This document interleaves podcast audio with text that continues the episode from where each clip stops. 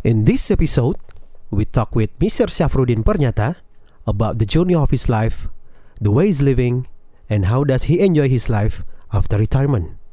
Welcome to Humology Pods.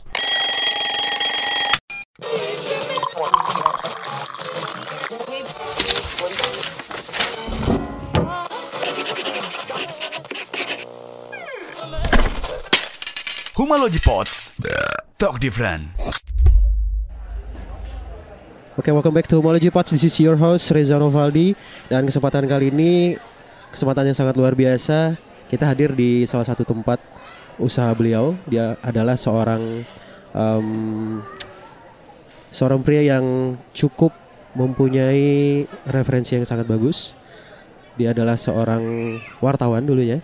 Kemudian dia adalah juga dosen dan yang terakhir, yang terbaru, dia adalah seorang pensiunan em, Kepala Dinas Pariwisata Provinsi Kalimantan Timur. Please welcome the one and only Mr. Syafruddin Pernyata. Selamat sore Pak Syafruddin Pernyata. Selamat sore menjelang senja. ya kan, udah mau senja. Iya. Selamat sore menjelang senja ya. Ya. Ya Pak Syafruddin, eh, terima kasih sekali untuk meluangkan waktu eh, dan apa eh, tempatnya di Sama Sofa. Dan Mas Renal Reno Valdi. Reno Valdi, anak orang tua. Kalau dipanggil Valdinya apa Renonya? Eh, saya panggilannya Renov aja. Ah, Renov aja. Iya. Renov tuh bisa renovasi. Renovasi. Selamat sore ya. Selamat Terima sore. kasih telah datang ke pondok saya di sini di sini. Ya. Tempat Dan- saya menghabiskan sisa-sisa Menghabiskan waktu ya umur. sekarang ya. sisa-sisa Dan umur. tapi sekarang lebih terlihat lebih santai nih Pak ya. Ya karena udah keluar dari satu blok yang membuat saya Heeh. eh, pada saat-saat tertentu terbatas Betul. gerakannya. Tapi sekarang ini leb- agak lebih eh, produktivitas dan kreativitasnya lebih tetap lebih lebih apa ya lebih dari sebelumnya atau memang enggak juga berkurang? Enggak juga, sama aja. Cuman dulu Mm-mm. sedari pagi sampai sore saya di kantor, Baik. kan. Kalau Tapi kalau sekarang? sekarang kan saya udah bisa dari ini saya dari pagi dari ke sini tadi Full time pagi sampai sore sampai, tutup tempat ini. sampai subuh.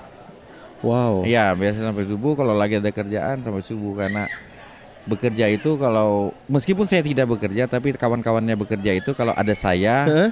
beda kalau tidak ada saya. Bukan karena merasa diawasi kayak zaman Belanda gitu. Betul. Tapi kalau ada saya kan masak mie, masak eh, bubur kacang Asik. gitu. Ah, seperti itu aja. Kalau dilihat Pak Syafruddin ternyata di umur sekarang ini tetap produktivitas. Kita jadi penasaran nih sebenarnya.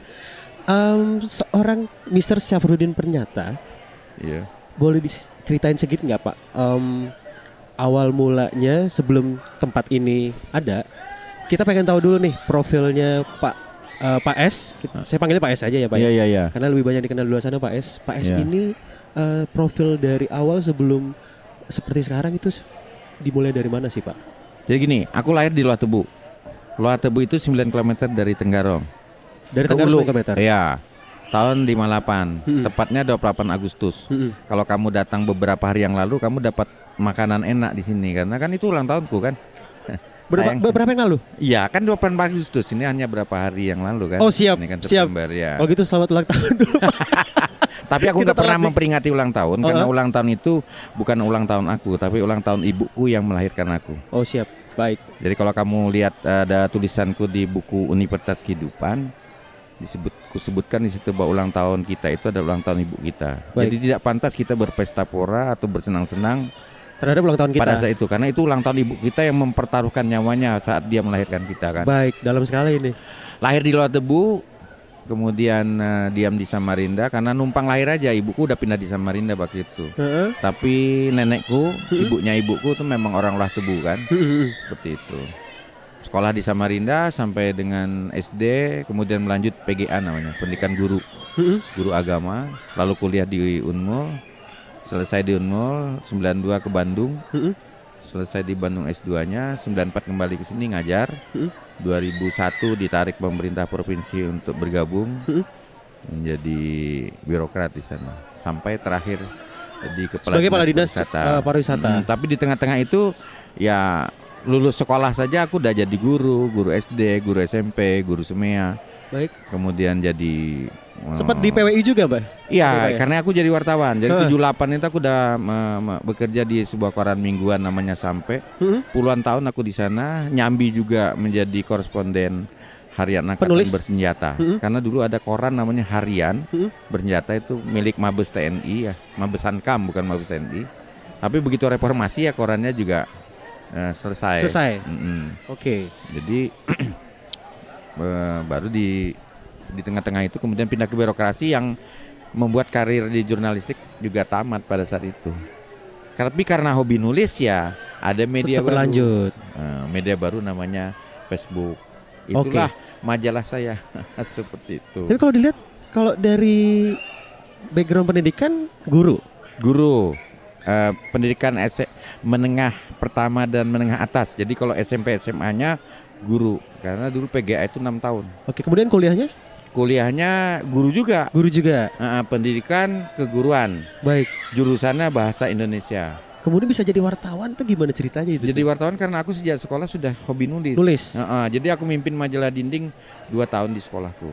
Oh baik. Lulus dari sekolah, aku jadi wartawan. Kenapa jadi wartawan? Karena yang punya koran itu Yuri penulisan.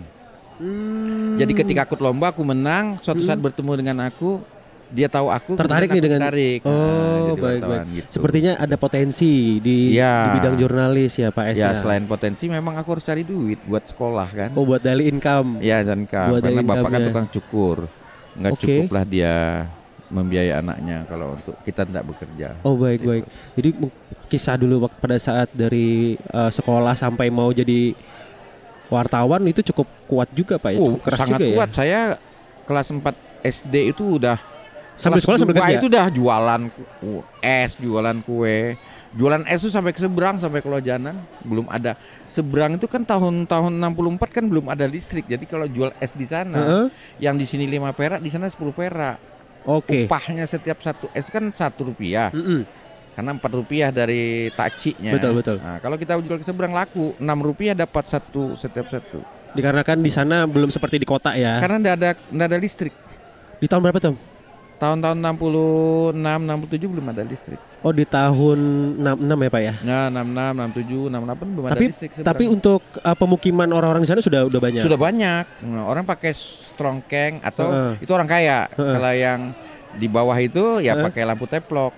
Sampai lampu yang cuma dari kaleng susu dikasih sumbu ya seperti itu aja zaman itu. Oh, Baik baik baik. Kemudian em, sampai akhirnya menjadi wartawan dan akhirnya ditarik atau Om mengajukan diri. Enggak, Hadir di tadi itu. birokrat itu. Jadi karena aku udah sering ikut lomba menulis, Mm-mm. terus kemudian di ketemu dengan salah satu jurinya. Dia bilang, "Oh, kamu ya nama Saprudin." Waktu itu kegiatannya kegiatan apa? Kegiatan kegiatan eh, seni. Baik. Memang aku senang di seni sastra. Jadi ditarik aja, mau nggak kerja katanya. Oke. Kalau ngomongnya nih, kamu kuliah nggak? Enggak. Kenapa nggak kuliah nggak ada duit? Kamu kerja nggak? Mau. Jadi wartawan mau nggak? Ya mau dong, ya kan? Mau dong. Waktu itu wartawan itu eh, sesuatu banget orang jadi wartawan ya. Di tahun-tahun zaman Om kalau jadi 78 wartawan gitu. tuh 78. jadi nah. wartawan tuh se- sebuah kebanggaan keren, ya. keren. Keren profesi itu kan. Oke. Orang sampai bilang itu kan pilar keempat demokrasi itu adalah Hmm. pers kan. itu itu gitu. Berarti Om sempat sorry. Bapak S sempat di ini ya Pak ya di dinas pendidikan nggak sih benar nggak sih? Nah, waktu di birokrasi tahun 2000 jadi tahun aku kuliah kan, Mm-mm. tahun 86 aku diangkat jadi dosen di Unmul Mm-mm. sampai aku studi lagi ke Bandung Mm. pulang dari Bandung 2001 Mm. aku ditarik ke Pemprov jadi kepala Biro Humas Di di kantor gubernur kantor gubernur tiga tahun dari situ dipindah jadi kepala dinas pendidikan provinsi. provinsi lima tahun enam bulan habis itu dipindah lagi jadi kepala perpustakaan dua tahun Perpustakaan daerah. daerah baru dipindah lagi Ini ke balai ya? diklat Mm-mm. empat tahun Baik. baru dipindah terakhir ke pariwisata Ke pariwisata ya. Satu tahun 8 bulan aku di situ di pariwisata pensiun sekarang sudah tanggal satu pensiunnya ini tanggal berapa hari ini? Hari ini tanggal 5 Ah jadi udah empat hari. Sudah empat hari. Ini Sudah empat hari hari. keempat setelah pensiun di tanggal 1 Hari keempat pensiun dalam tanda petik gitu ya. Pensiun itu bukan akhir, berakhir. Ya artinya pensiun itu kan hanya terminologi seorang karyawan. Betul. ada di perusahaan, ada di pemerintahan. Tapi kalau sebagai seorang pekerja ya kita tidak pernah pensiun kecuali mati kan. Betul sekali. Nah. Produktivitas dan kreativitas tetap berjalan. Harus karena orang yang tidak produktif dan tidak kreatif itu adalah Mati. orang mati. Karena Baik. hanya orang mati yang tidak bisa berproduksi. Berarti mereka-mereka yang tidak bisa produktif dan kreatif itu memilih memilih mematikan diri mereka sendiri dong. Iya dalam bahasa lainnya begitu. Atau kalau mau kasarnya lagi pengangguran itu adalah kematian. Adalah kematian. Ya kalau mau kasar tapi jangan begitulah ya. Nah, kadang-kadang kan kita memang tidak berdaya. Betul. Nah, Pak Pak S kalau dilihat kan sempat memimpin em, dinas provinsi Kaltim. Iya. Sorry, dinas eh, pariwisata provinsi Kaltim. Pro- Pariwisata, pendidikan, Di mana background pariwisatanya nggak ada sama sekali. Ya sangat tidak ada. Dan saya ngeliat ada em, pada saat Pak S jadi wartawan, Mm-mm. bukan seorang jurnalis, bukan belajar sebagai jurnalis, tapi Iya. sebagai guru. Guru pendidikan memang ya. Kalau ma- di jadi kepala dinas pendidikan provinsi Kaltim masih masuk karena Masih- pernah jadi guru. Heeh. Nah, ini sekarang ini jadi kepala dinas pariwisata. Mm-mm. Ini Pak S ternyata pada saat ditawarin eh, jabatan itu, Iya iya. itu iya. berpikirnya seperti apa itu? Wah, saya Jadi belum, gini, belum ini- tahu pariwisata Ah, Kaltim, iya di mana. Kaltim itu sumber daya alam yang lebih lebih menonjol. Heeh, Itu betul. ada eh, gimana tuh? Jadi ini yang sebenarnya selama ini menjebak kita. Heeh. Kita berada dalam suatu jebakan yang menurut saya justru harus di harus dibuka ya, diurai dan kita harus ter- terbebas dari jebakan itu. Apa jebakan itu? Jebakan itu ialah bahwa seseorang itu harus bekerja sesuai dengan latar belakang pendidikannya. Betul. Tidak harus menurut saya, Baik. karena eh, untuk bisa mengakses kemampuan, keahlian, skill itu ada banyak pembelajaran. Hmm. Itu saya tulis dalam buku saya belajar dari Universitas Kehidupan. Nanti saya kasih Mas Renop kalau dia ada di sini ya. Kalau tidak ada saya janji aja itu. Ada- di rumah. ada di rumah ya? Nah, Nanti ada, boleh deh. ada. Boleh, Pak. Situ saya ingin mengajarkan bahwa kalau Anda lihat di sini ada Pak Sugeng, ini Pak Sugeng. Iya, Beliau Pak. ini adalah petani bayam. Pak Sugeng ini Pak Sugeng ini ini, salah satu bayam. ya. keluarga besar di sama di sini. Oh iya, iya. Nah, dia dia ber- berperan sebagai wakil direktur, wakil manajer dia Di di, sini? sini. Ya, Dia petani bayam, Pak. petani bayam. Ini rumahnya di belakang sini dan kan tinggal di sini. Alasan Bapak ngerekrut dia kenapa, Pak? Ya kalau kita merekrut orang luar itu pertama kita harus mikirkan rumahnya. Oh, jauh. Akomodasinya, ya kan ya? Iya, betul, betul. Kemudian dia akan pulang seminggu sekali atau setengah bulan sekali. Mhm. Dia sini aja. Kebetulan juga tidak punya pekerjaan yang lebih baik. Saya taruh aja di dia mau di sini bekerja di sini. Mhm. Ini adalah ahli air beliau ini. Mhm. Jadi air ini beliau penguasanya. Oh, baik Nah, baik. padahal baik. kalau kita berpikir ahli air mestinya orang yang ahli di kimia ngerti, ngerti Betul, kimia. betul. Anda bisa cek aja langsung Paling tanya ke ngerti dia. nanti. air, ngerti taman, Ya, ngerti jadi tahu dia penggunaan PAC, Betul. penggunaan tawas, penggunaan apa namanya klorin, kaporit, ya, kaporit, itu klorin kan dia dan lain sebagainya. Iya, iya, iya, iya. Proses untuk tahu dan bisa itu kan Perlu ah, belajar yang ah, cukup. ada ada ada proses lah maksud saya. Betul. Untuk bisa tahu itu ada proses dan dia akhirnya mengikuti proses itu. Sampai sekarang tidak Otodidak, Pak. sulit Ngulik sendiri. Ya, sama seperti itu. Oh, baik. Kedua, bagaimana kita menerjemahkan? Kalau saya misalnya pendidikan guru, untuk jadi kepala dinas pendidikan, sebenarnya juga sudah tidak cukup layak. Kenapa? Di fungsi-fungsi pimpinan itu fungsi manajerial, Mhm.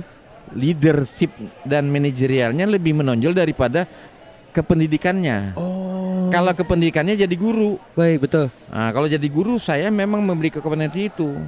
Tapi kalau untuk menjadi pimpinan sebuah eh, lembaga, apakah pemerintah atau swasta, kan fungsi-fungsi leadershipnya dan manajerialnya yang lebih menonjol. Lebih menonjol, betul.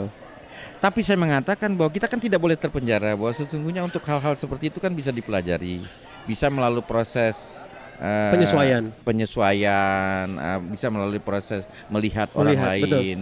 Bisa juga dengan membelengkan diri lalu kita mencoba masuk di dalamnya supaya bisa lebih lebih orisinal, lebih kan beda ya. Hmm. Kalau misalnya eh, Renap kuliahnya misalnya di ekonomi. Saya per, saya ini pariwisata. Ah, misalnya kamu pariwisata gitu kan? Iya, Orang pariwisata. pariwisata kadang-kadang kalau dia mengembangkan sebuah objek wisata, Hmm. Dia harus mengikuti prosedur itu. Hmm. Apa yang menjadi ilmunya itu kan? pakemnya udah gitu-gitu Nah, aja. Kalau kemudian ada informasi-informasi lain, ada pembaruan-pembaruan lain, kadang-kadang dia menolak, Baik. melakukan resistensi. Kenapa? Dia menganggap dirinya lebih bagus, lebih bisa, lebih Hmm. tahu. Hmm. Padahal itu kan tidak sewajarnya Tidak betul betul. itu. Betul betul. Karena yang baru-baru itu kadang-kadang tidak terprediksi oleh kita. Hmm. Padahal dia baik. betul. Nah, jadi kita tetap harus menoleh kiri kanan. Hmm. Nah, proses menoleh kiri kanan, atas bawah, belajar dengan orang, lihat orang, mendengar orang itu bisa membuat kita bisa sesuatu yang tidak bisa. Contohnya Pak Sugeng. Dan contohnya Bapak juga Ya, di seperti saat itu. di Dinas Ya. Provinsi Kaltim. Mm-mm. Oke, gambarannya seperti Pak Sugeng ya. Kira-kira Kira seperti itu. Nah, ketika kita di fungsi pimpinan kan kerjaannya kan hanya mengurusi orang Betul. sebenarnya. Kalau ngurusi barang banyak orang yang bisa. Betul. Mengurusi keuangan ada ahlinya. Hanya mengurusi orang. Oh ya. Untuk mengurusi orang itu hendak menjamin orangnya ahli S1, S2, S3-nya di bidang pengembangan sumber daya manusia belum tentu dia bisa mengurusi orang di dalam praktiknya. Belum tentu bisa mengimplementasikannya. Di praktiknya. Di praktikal, oke. Karena orang itu sejuta orang sejuta beda. ya, jadi teori-teori kan hanya umum. Ketika berhadapan dengan yang biasanya pemalas, yang biasanya tukang protes saja, itu beda banget di lapangan dengan di teori. Oh, Nah, oke maka oke. saya lebih percaya belajar dari universitas, belajar dari kehidupan. Saya nyebutnya universitas kehidupan itu jauh lebih dahsyat sebenarnya manfaatnya. Sebab kalau yang sifatnya teoritis, akses aksesnya bisa kita peroleh di mana-mana sekarang. Akses bisa banyak. Sekarang Banyak. internet udah gampang. Oh ya itu makanya. Kita bisa dapetin uh, Hmm. materinya dari sana. Ya. Dan em, Pak S di dalam perjalanan karir, kalau boleh tahu nih, kan dari guru, dosen, wartawan, kemudian kepala dinas dan kepala dinas pendidikan eh, provinsi, kemudian kepala dinas pariwisata provinsi. Hmm. Hal yang paling berkesan, paling berkesan di perjalanan karirnya Pak S, Kalau di birokrasi ya, yang aku senang di pariwisata. paling berkesan ya? Ya, kenapa aku bilang begitu? Karena begini, hidup itu adalah pariwisata. Kalau kita baca Hmm. undang-undang, pariwisata itu kan berwisata kan diterjemahkan begini secara singkatnya, melakukan perjalanan ke tempat yang menarik. Betul. Tidak ada kehidupan yang tidak melakukan perjalanan. Hmm, Ya, hmm, bedanya hanya Anda pergi ke tempat menarik atau tidak. hmm, Ya kalau yang menarik itu wisata, tapi kalau ke tempat kerja ya itu bekerja mencari nafkah. hmm. Tapi hidup itu adalah perjalanan. Nah, kalau orang mau sehat dan masih mau dibilang hidup berwisata menurut saya. Kenapa? Kalau Anda sudah tidak berwisata, Anda sudah tidak sehat. Karena di saat kita berwisata itu ada seperti kita men- mencukuri dan mengapresiasi apa yang kita dapatkan saat ini betul nggak sih pak? Ya, Seperti tapi itu ya. yang lebih hebat lagi, eh bukan lebih hebat lah. Saya maksud orang berwisata itu berarti dia sehat.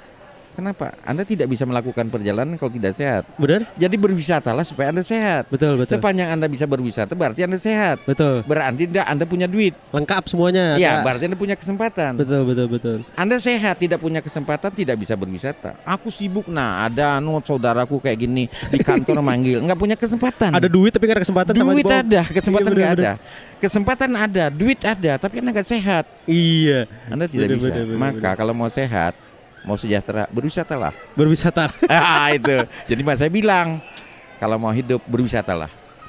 Keluarlah dari Banyaklah berjalan. banyak berjalan ya. Karena banyak yang bisa kita lihat, Explore. banyak yang bisa kita pelajari. Betul. apa yang saya lakukan di Taman Salma Sopa, apa yang saya lakukan di dalam usaha saya berjualan sepeda motor bekas, mobil bekas, Hmm. berjualan tanaman hias, sampai sekarang jualan karpet, Hmm. itu karena saya banyak berjalan saja menurut saya. Berarti yang paling berkesan di pada saat di dinas pariwisata ya. Mm, ya betul ya, walaupun hanya satu tahun 8 bulan.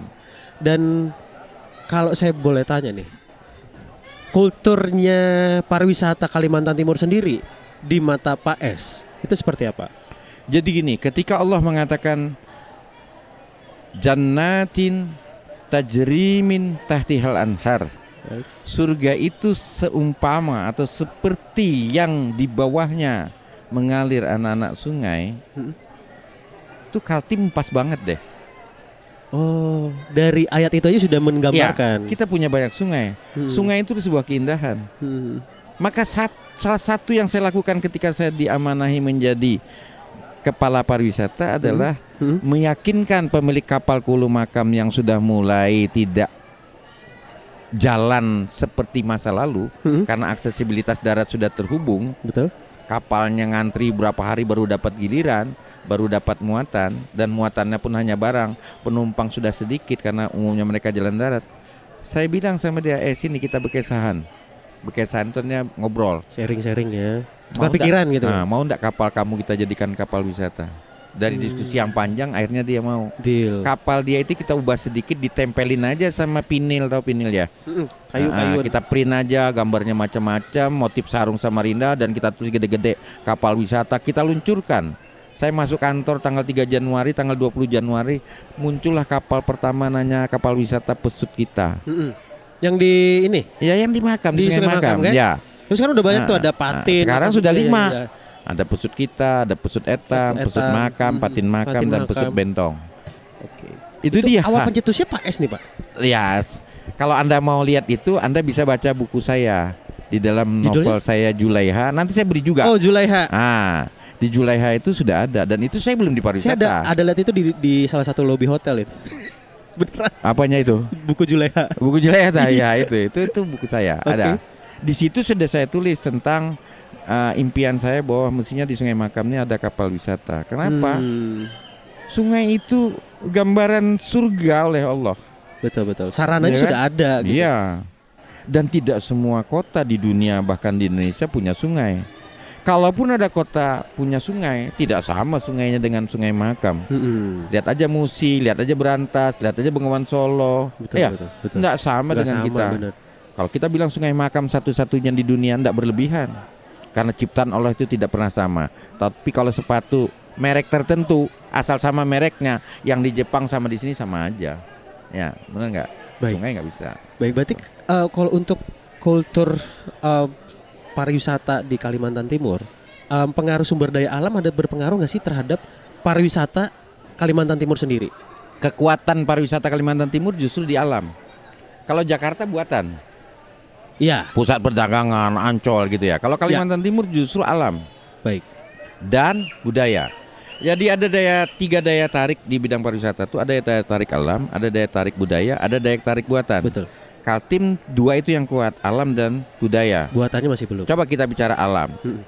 Papua terkenal dengan Raja Ampat. Mm-mm. Itu bahari. Kita punya. Derawan dan sekitarnya. Maratua. Maratua, Kakaban, Kakaban, Derawan, iya. Samama, Sangalaki, Mm. itu kan kawasannya. Kita punya. Baik baik. Tapi dia punya nggak sungai Mahakam seperti kita? Punya sungai? Nah nggak punya. Lebihnya kita. Punya nggak dia orang hutan? Dia nggak punya. Punya nggak dia bekantan? Dia nggak punya.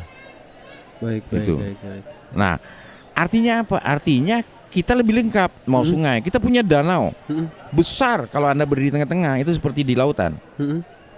Dia namanya Semayang, Melintang, dan Jempang. Terus kita punya danau yang lebih kecil tapi eksotik, namanya Danau Belu, Danau Aco. Itu di atas gunung, ada danau. Labuan Cermin termasuk juga. Nah, kita punya danau dua rasa. Hmm. Kenapa dua rasa? Karena itu akan rasanya tawar dan Tawar asin. dan asin. Warnanya juga ber- ber- ah, dua warna ya. Hmm. Kenapa dia bisa begitu? Karena danau itu terhubung dengan laut, tapi juga di dalam danau itu ada 25 sumber mata air yang Oh. berasal dari pegunungan Kars itu, Hmm. yang membentang dari Sangkulirang, Muarawau sampai Berau itu. Hmm. Itu menyimpan air dan sebagian airnya itu mengalir ke danau Labuan Cermin. Ada 25 mata air itu.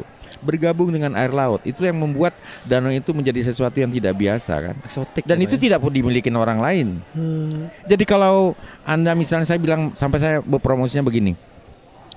Kalau Anda mau melihat keindahan bahari bawah laut, silahkan ke Papua atau ke Wakatobi.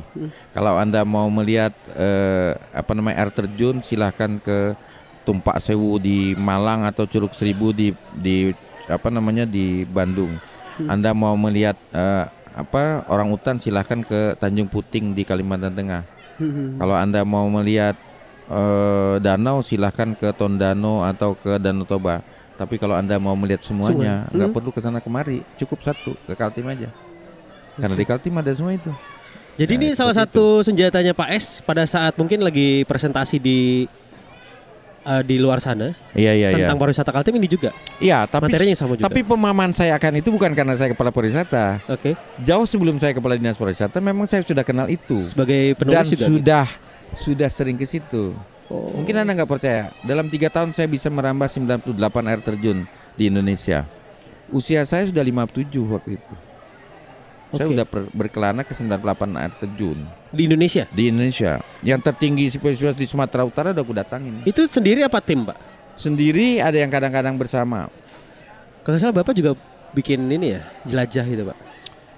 Iya maunya, tapi nggak terlalu banyak juga. Aku masih konsentrasi pada novel gitu. Oh. Masih Yang novel? Nanti hari, nah, hari Sabtu? Sabtu mau di di Rilis? dirilis kan. Baik. Nah, itu novel ke buku ke-7 dan ke-8. Jadi kalau untuk membuat buku yang misalnya air terjun di Indonesia gitu ya. Aku punya tulisannya, aku Hmm. punya foto-fotonya. Tapi Hmm. kalau aku tulis itu kan kita bicara market juga. Hmm. Yang beli siapa? Hmm. Karena orang kalau mau tahu itu juga buka di Google sudah sudah juga tersedia mau fotonya, mau ihwal eh, air terjun itu bagaimana mencapainya pun ada gitu.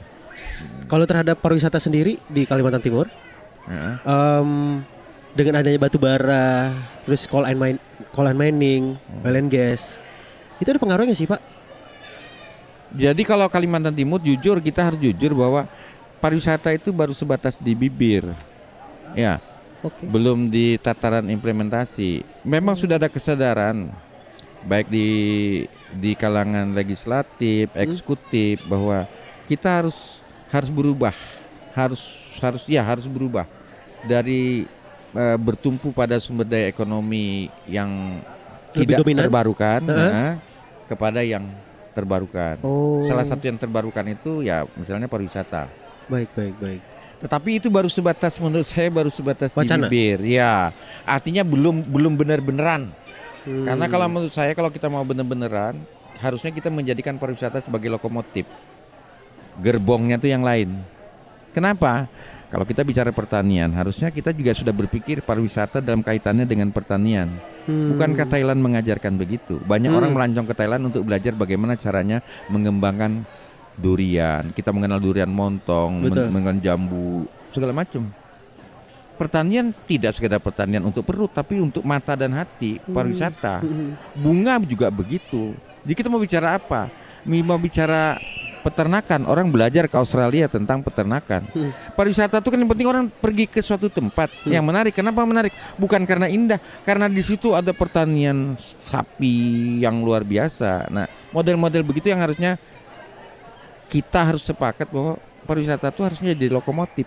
Harusnya menjadi yang terdepan pak. ya? Karena kalau mengembangkan kota berdasarkan prem kerangka pariwisata, kota Hmm. itu pasti bersih, Betul, pasti aman, rapi, pasti aman, tertib. nyaman. Ini kamu tahu top zona kan? Iya.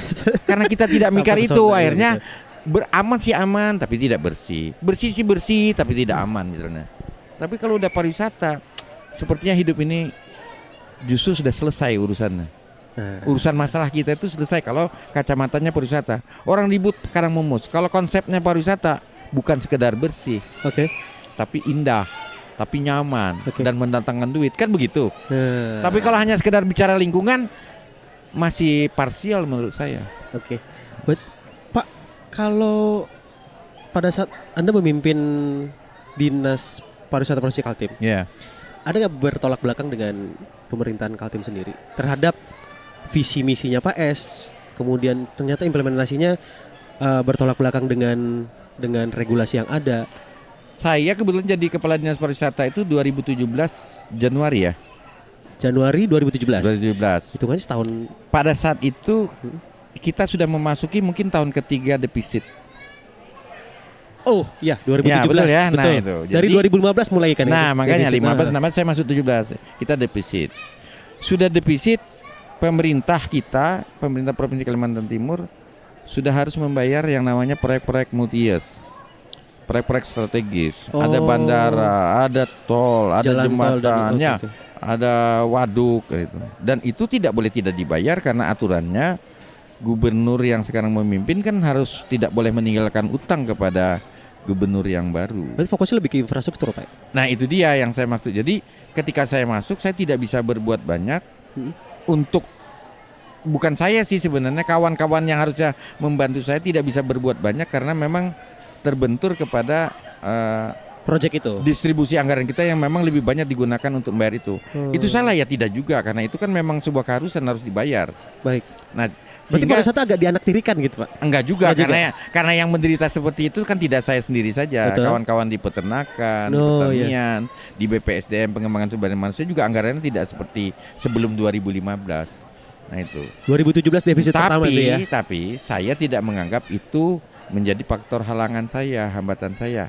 Hanya kalau mau lebih cepat Kalau duitnya banyak, saya kan bisa bilang dengan PU. Baik.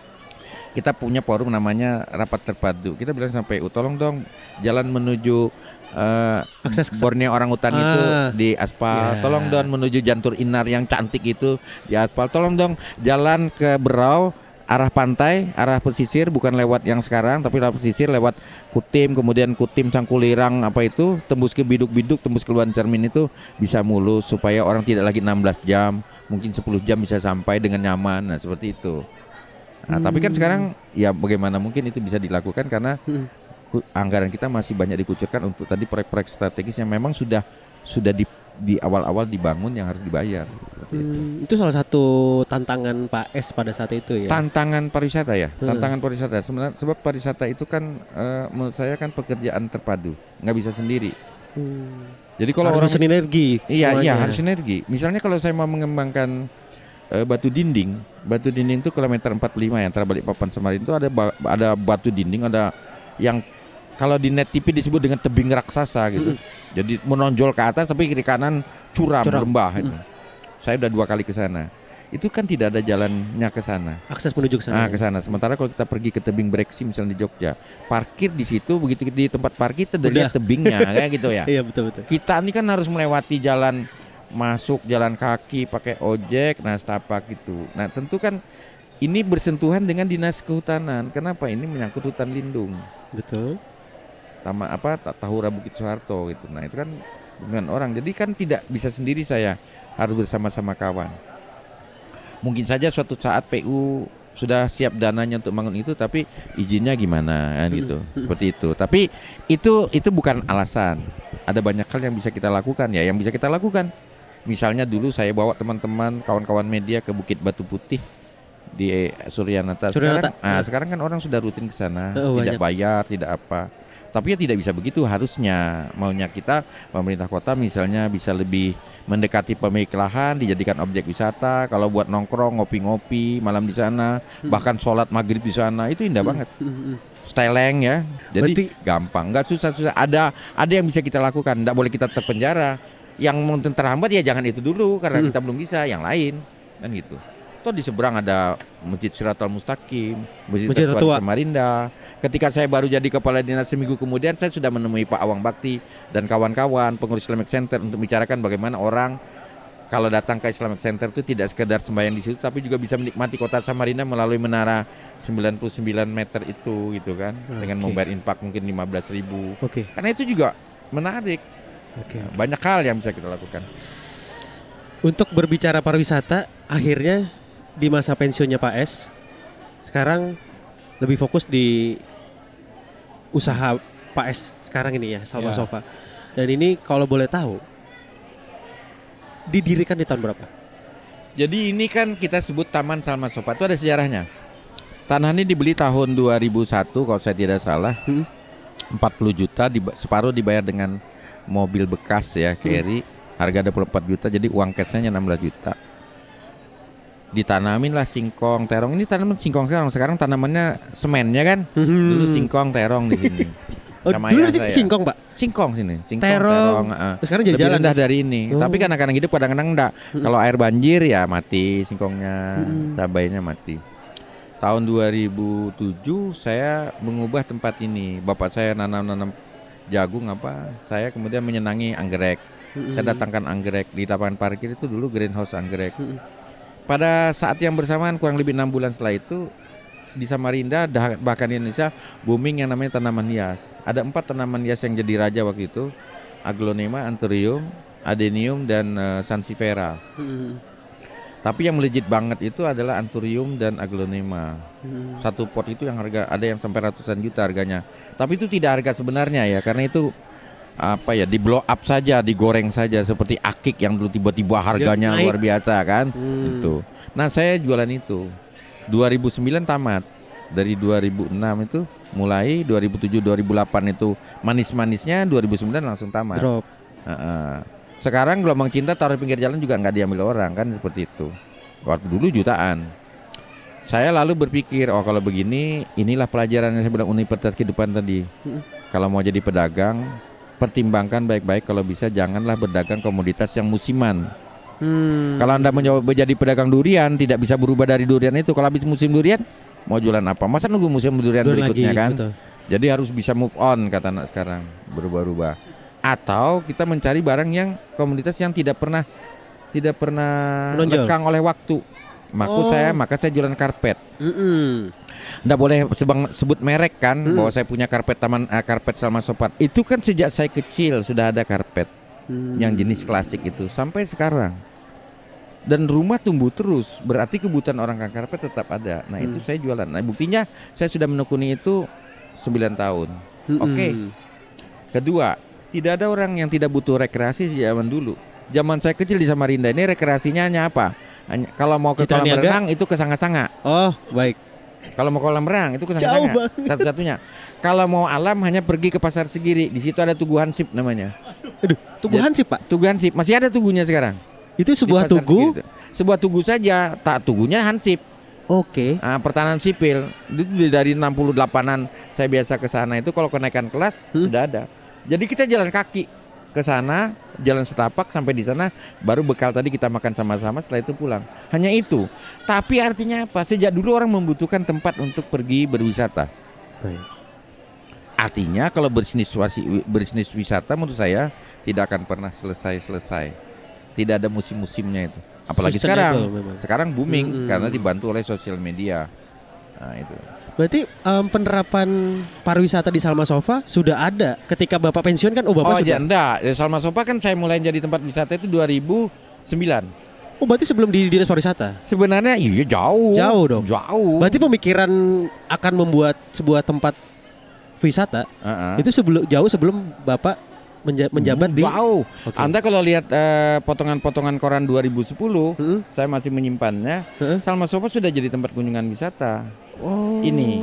Kenapa? Saya punya bunga-bunga dulu. Hmm. Anak-anak sekolah datang ke sini oleh gurunya disuruh mencatat grey, Hmm. yellow, Hmm. red. Jadi kalau ada bunga merah dia tulis di kolom yellow, di kolom, di kolom red merah itu diberi centeng, apa cen- centeng, Iya. apa?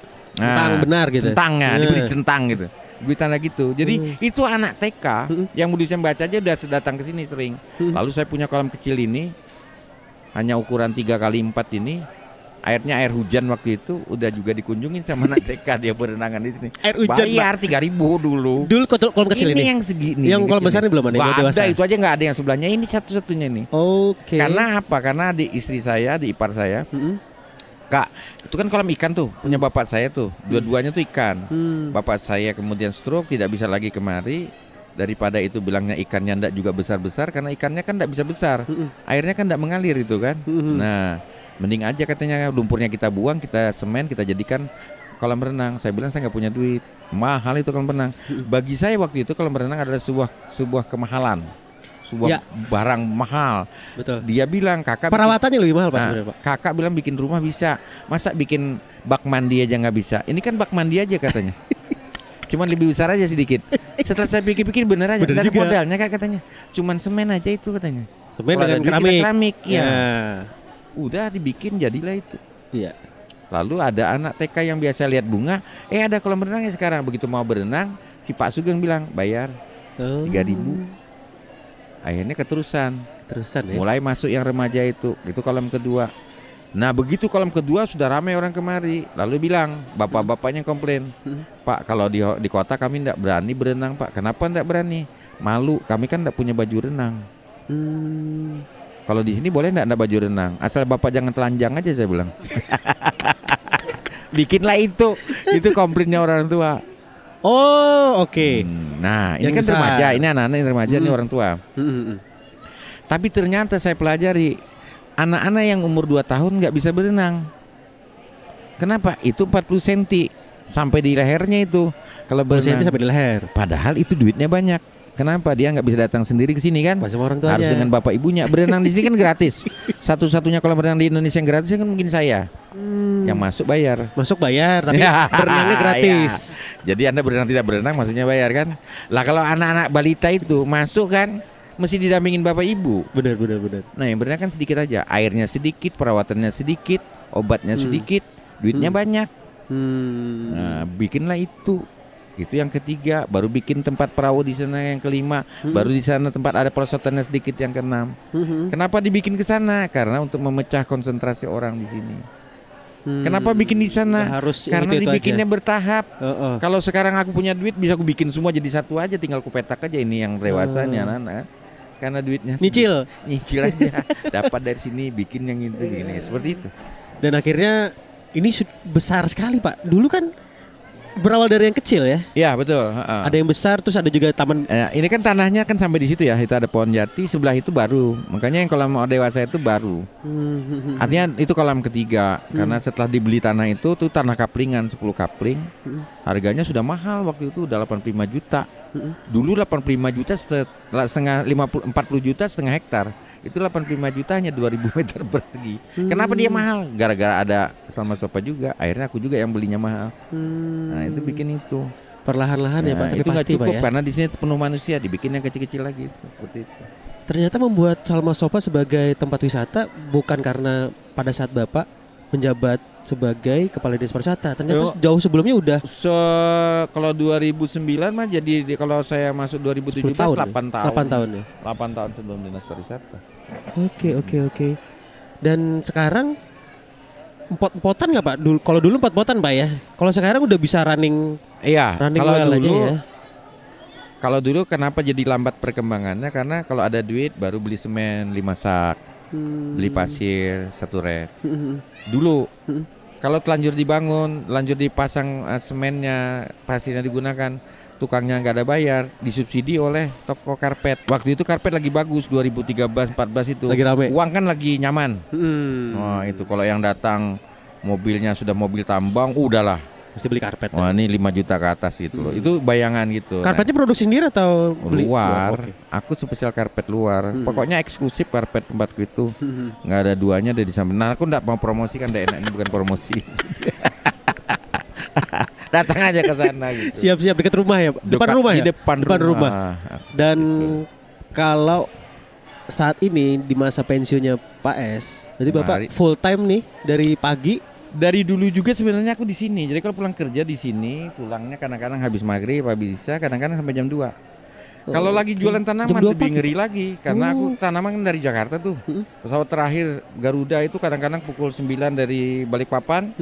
Dibawa ke sini 2 jam pukul 11, pukul 11 sampai di rumah itu langsung saya bawa ke sini loh. Hmm. Di sini saya poti. Hmm. Jadi di repotting namanya. Di repotting, iya, Dimasukkan di pot. Itu sebelum dimasukkan di pot kita bikin medianya dulu. Mm. Caca-caca pakai sulitnya cencang digabung dengan tai kambing itu dicampur Hmm. aduk, disiapkan sudah pot-potnya baru bunganya yang tadi dimasukkan ke dalam baskom sudah dikasih penyegarnya, Hmm. baru ditaruh di pot itu, baru disiram ulang. Misalnya 150 pot selesainya jam 2 atau jam 3 subuh, Hmm. baru saya pulang ke rumah. Besok pagi apel jadi kepala dinas pendidikan, apel jadi pembina upacara. Nah, seperti itu. Nah, jadi Luar biasa. Luar biasa. Luar Eh. biasa Pak S. Dan sekarang full time di sama Sofa setelah pensiun. Nah, ini Hmm. ada nggak planning dari Pak sendiri, short term atau long termnya Mm-mm. setelah Bapak pensiun? Dalam dalam waktu dekat ini ataupun nanti jangka panjang? Dalam hubungannya dengan apa nih? Dalam hubungannya dengan Apa pun Pak. Oh gitu. Ya kalau saya kan yang jelas di sini Hmm. ada tempat saya untuk merasa nyaman. Karena kalau di rumah kan sepi saya. Hmm. Isi saya guru, dia ngajar kalau pagi. Anak saya yang masih sekolah dua orang. Kalau pagi juga hilang dari rumah. Hmm. Nah, jadi kan saya sendirian di rumah. Hmm. Apa saya menjadi orang rumahan kan nanti menjadi lelaki pingitan kan lucu gitu. Maka Aduh, saya- bahaya. Iya, maka saya Mendingan keluar. mending Nah, keluar deh. kalau ada acara saya mungkin ngikutin acara yang saya senangi. Hmm. Hmm, misalnya ada kawan-kawan yang ngajak, ayo naik kapal, mungkin saya senang naik kapal. Ayo kita naik ke Gunung Steleng. Oh, Hmm. Gunung Steleng itu setahun sampai tujuh kali aku naik itu. Udah styling Nah, Pak. Hobi aja. Masih kuat Pak kuat lah. Subhanallah. Udah saya bilang, kalau mau kuat berwisata. berwisata. kalau sudah anda tidak bersi, tidak, tidak kuat, tidak berwisata. Berarti nggak sehat. Berarti anda tidak kuat, kuat, sehat. iya, Ya, benar-benar, itu. Jadi untuk menunjukkan bahwa kita kuat, nah kita coba. Hmm. Nah, di sini kenapa di sini? Di sini saya bisa eh, membantu karyawan. Kami kan tidak punya banyak karyawan. Mm-mm. Untuk mengingatkan saja, Hmm. ini rumput kurang terurus, barangkali Hmm. perlu disiang. Ini tanaman eh, itu misalnya itu cemara udang itu udah harus dipangkas karena kalau tidak dipangkas nanti rimbun dan susah menata ulang gitu.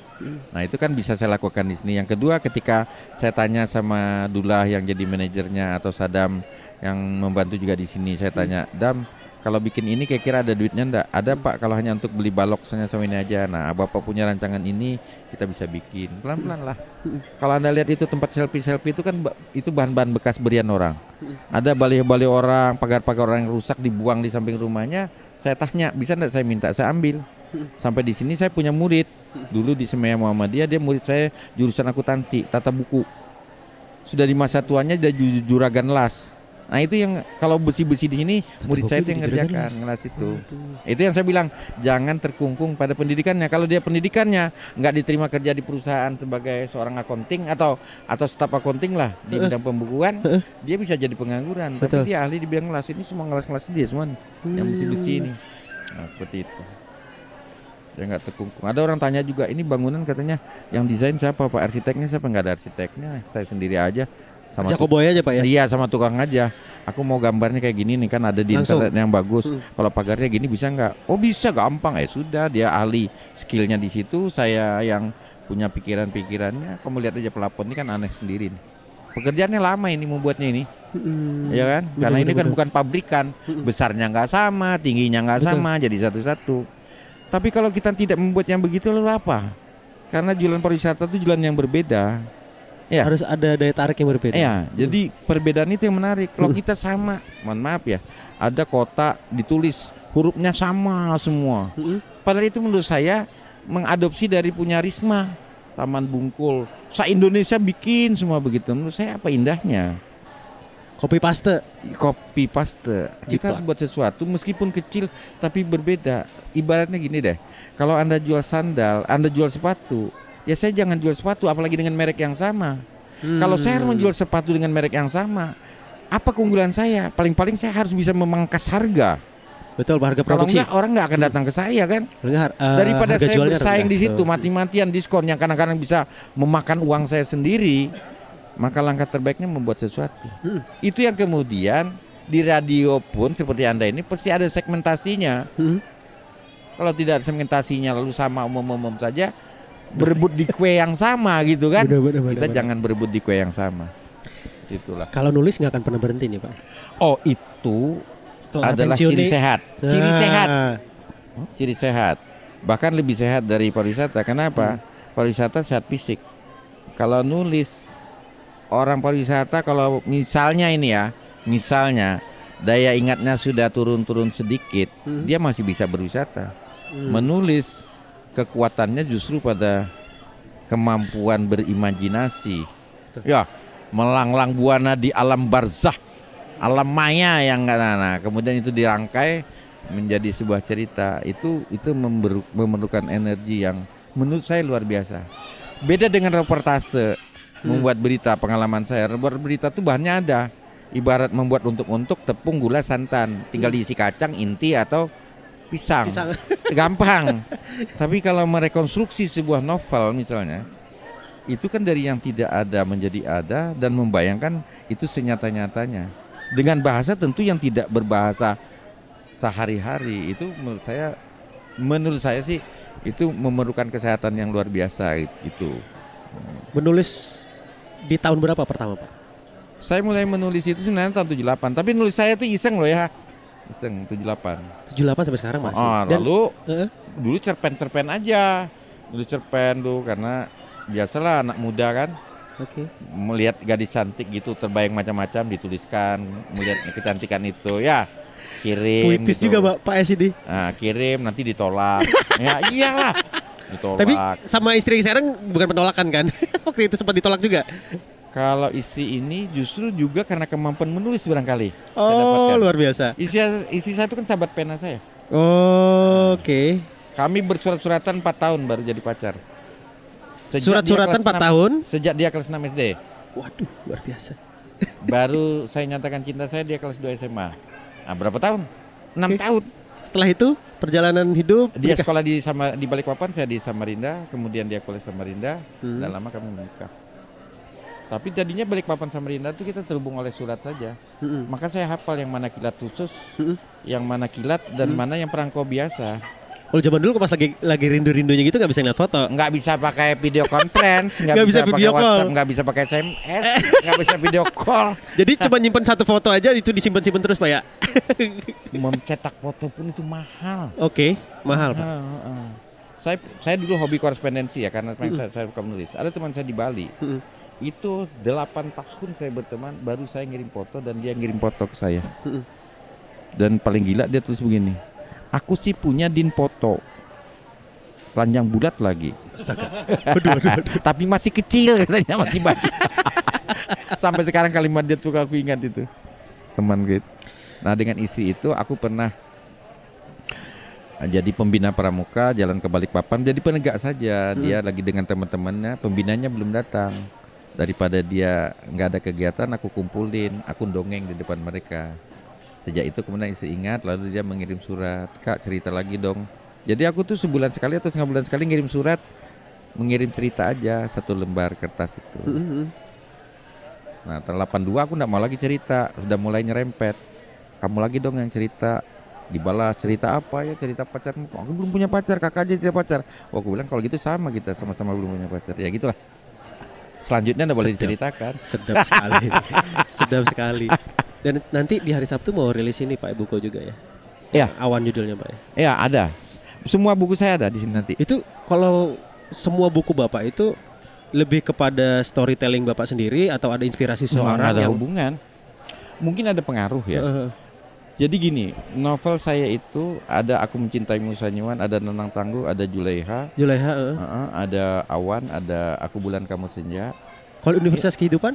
Itu kan buku motivasi. Oke. Ah, ah, itu buku esai lah, buku tulisan Hmm. biasa, artikel biasa, bukan cerita. Hmm. Tapi di dalamnya cerita. Hmm. Setiap bab tuh cerita. Dalam cerita tuh lebih banyak ditonjolkan pesan-pesan Pesan-pesan moral. moralnya, kan gitu. Tapi dibungkus dengan cerita karena manusia di dunia ini tidak ada yang tidak senang dengan cerita. Satu. Yang kedua, manusia di dunia ini tidak banyak yang senang dengan kuliah, dikuliahi, diajari, didokumen itu tidak senang. Tapi kalau diceritai di dalam cerita itu ada pesan-pesannya, dia mungkin lebih bisa menerima.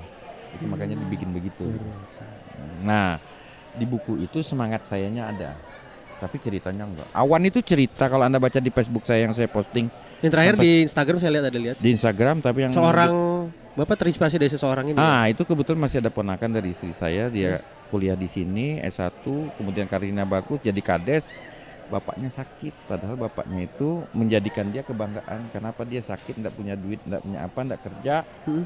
Diharapkan anaknya telah membantu. Tapi di saat bapaknya sakit dan kritis, karena dirujuk dari pasir, dari pasir kemudian ke Balikpapan, Balikpapan tidak mampu, dirujuk ke Samarinda, ke AWS Sarani. Itu kan artinya Anda bisa bayangkan betapa sakitnya itu parahnya ya dan memerlukan keahlian yang luar biasa. Pada saat kritis begitu justru anaknya yang bolak-balik mengunjungi bapaknya ini tewas eh, meninggal di perjalanan juga karena nih, Pak. tabrakan. Makanya kalau Anda lihat postingan saya di Facebook, itu kawannya yang kemudian membagikan, membagikan, membagikan. Hmm. Dan saya senang juga karena buku saya jadi laris karena semua pesan buku itu. Walaupun sudah saya beritahu ini hanya inspirasinya. Cerita di dalam novel saya tidak persis sama dari dari nov- dari cerita sesungguhnya. Cuman bagian akhirnya tuh ada yang sama gitu. Kalau di dalam no- kesehariannya kan awan itu kan eh, meninggal ya. Di Hmm. dalam novel enggak. Karena novel itu asal Anda tahu kalau Anda ngikutin Facebook saya, Hmm. itu sudah saya tulis di Facebook secara bersambung. Hmm. Jadi orang yang dulu rajin ngikutin sebenarnya udah tahu ceritanya gitu loh. Jadi ini sekarang dilengkapi dengan Nah, buku. ketika di bab 39, Pak, ini nanti terakhirnya mati apa enggak?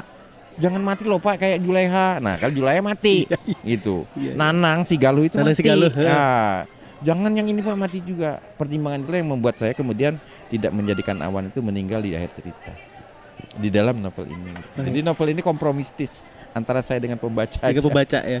Ada yang bilang Ada sebuah deal-dealan nih. ada banyak bahkan ada yang bilang ini Pak sebut-sebut dong nama saya jadi pelakunya ya aku sebut ada ada, Ada kalau yang baca itu. request gitu. ada nanang ada sembilan nama nanang misalnya di dalam buku itu ada macam-macam nanangnya orang Banjar kalau kalau beri, Iya. beri nama kan macam-macam Dari semua buku-buku, Pak, yang paling paling apa? Paling Bapak menulis itu tuh bener-bener yang awan ini Awan ini. awan Ini paling the best menurut Bapak dah, terbaik. ada gitu. menurut saya karena di situ eh, mirip.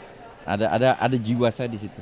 Hmm. Seorang anak kampung di Tanjung Santan Baru, di kampung, hidup dalam kemiskinan, dan dia dendam pada kemiskinan dan kebodohan itu, sehingga dia kemudian selepas sekolah SD dia udah SMP, selepas SMP dia merantau ke Samarinda. Dan untuk merantau ke Samarinda itu dia jadi kuli garam. Kuli garam itu memang saya pernah jadi kuli garam. Gitu. Kenapa jadi kuli garam? Karena di sekolah memang gratis, tapi buku nggak gratis. Sedangkan dia matematikanya selalu dapat 4 atau 5. Hmm. Dendam pada matematika 45 itu hanya semata-mata karena tidak punya bukunya. Mm-mm. Lembar karya siswa itu kan beli. beli iya Gurunya bilang kerjakan halaman sekian, dia nggak punya bukunya. akhirnya ya Pinjam punya teman-temannya pakai. Mm-mm. Akhirnya dia bersama empat nam- temannya namanya empat sukawan, makrifat empat tuh empatnya makrifat M-nya itu eh M-nya tuh saya lupa ya. Sukawan tuh Sukirja, Wan-nya tuh Awan gitu. Jadi itu nama s- bukan empat sekawan, Sukawan karena itu nama empat orang. oh Markus M-nya itu. Hmm. Itu yang kemudian bersama-sama jadi kuli garam di di pelabuhan itu ngangkat garam dari peraha itu ke gudang dan dari situlah dia bisa beli buku sayangnya uang yang hasil dari beli dari menguli itu tidak bisa juga dibelikan buku kenapa di sekolah dia main main bola awan tendang bola itu entah awan entah Markus ya saya lupa dalam cerita itu dia tendang bola itu jatuh ke tempat orang jual mihun bibi-bibi jual mihun di sekolah Lo kan marah bibinya itu, nggak ada lagi yang mau beli mihunnya itu. Wah, akhirnya uang yang tadi nguli itu Iya. buat ganti itu. aduh dalam dalam sekali ceritanya sepertinya pak ya Iya salah satunya itu kan ada lucu-lucunya, Hmm, ada keharuannya, Baik. ada romantisme di bagian-bagian akhir. baik dari semua cerita bapak ini penutup pak Hmm. Em, boleh sharing ke kita di umur bapak sekarang 57 tahun 50, 60 60 berapa hari? Iya kan pensiun tuh 60 saya. Iya. Dari di umur eh, Bapak sekarang dari perjalanan karir Bapak dari awal em, sebagai guru, dosen, kemudian wartawan, kepala dinas pendidikan, kepala dinas pariwisata dan sekarang Hmm. menjalankan eh, satu usaha di mana Bapak masih produktif dan masih kreatif juga. Itu tips-tipsnya gimana tuh, Pak? Jadi sebenarnya sebagai orang yang beragama ya, Rahasianya gimana? nah sebagai seorang yang Hmm. beragama, Mm-mm. kita harus betul-betul menginsafi diri terhadap perintah Tuhan karena Tuhan sering kali bersumpah dengan waktu Mm-mm. wal asri demi Inna waktu asar wadduha demi waktu duha kenapa Tuhan bersumpah dengan waktu itu artinya waktu itu sangat penting dunia ini sangat berjalan yang sangat pendek Hmm. Kalau kemudian dunia yang sangat pendek ini kita tidak membuat jejak-jejak yang berarti Mm-mm.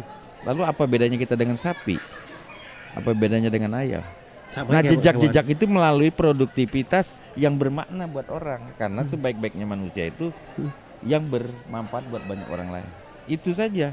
Maka misalnya kalau Anda jadi penyiar, buatlah rekaman jejak Anda sebagai penyiar yang maslahat bagi orang lain. Hmm. Bukan lewat begitu saja. Sehingga orang satu saat, oh dia itu telah menjadi penyiar legend. Karena dia telah memberikan makna kehidupan. Jadi bukan sekedar sekedar sekedar saya. Kalau hidup sekedar sekedar saja apa kitanya apa bedanya kita dengan orang lain? Itu itu yang kemudian mantui saya. Hmm. yang terus saya suruh memukul-mukul diri saya sehingga jangan sampai waktu terbuang percuma. Hmm. saya tidur 3-4 jam loh. Sampai di malam tuh saya nulis. Tahu nggak? Novel saya itu kan saya tuliskan di, di Handphone handphone di Android Bapak ini. iya enggak di laptop ini saya bawa laptop tuh baru mau Hmm. belajar lagi sudah enam tahun aku nggak pegang laptop Siap.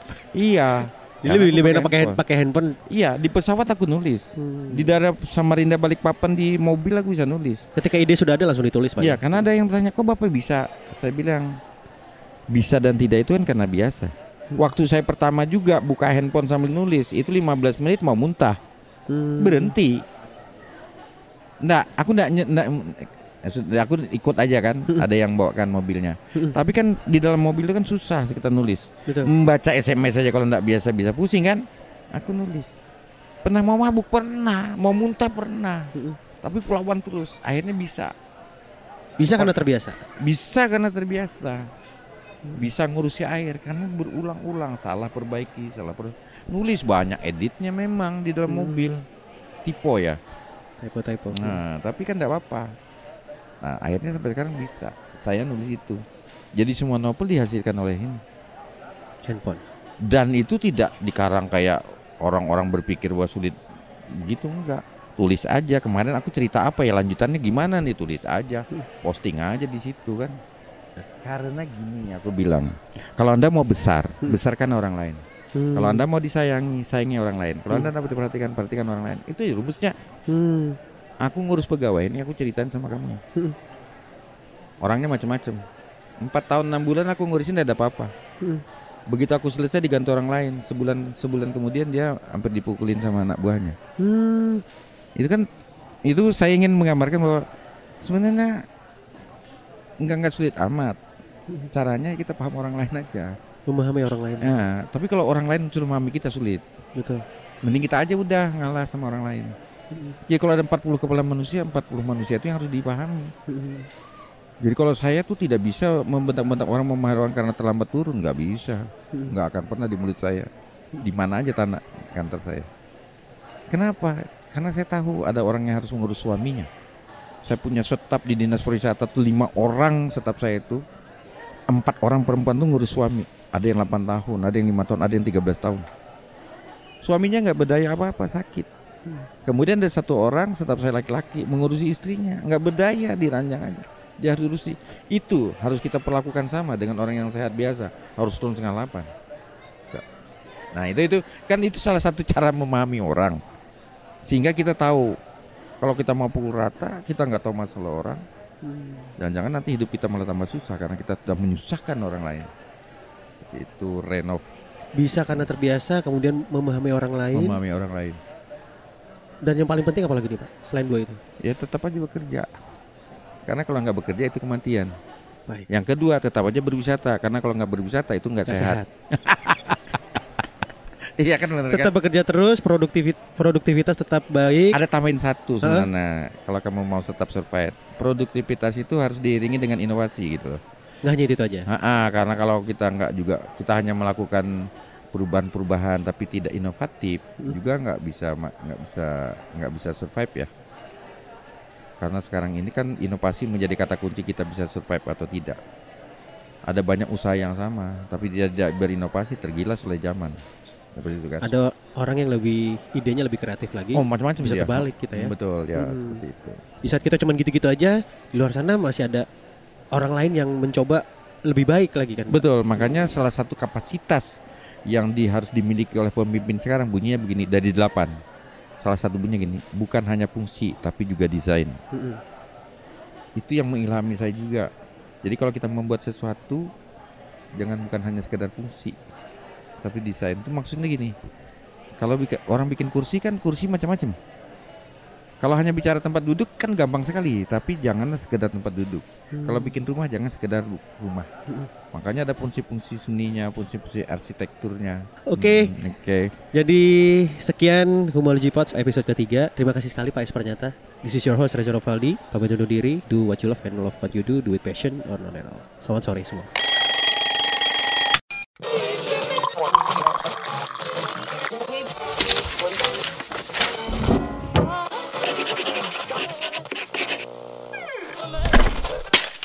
Humalogy Pots.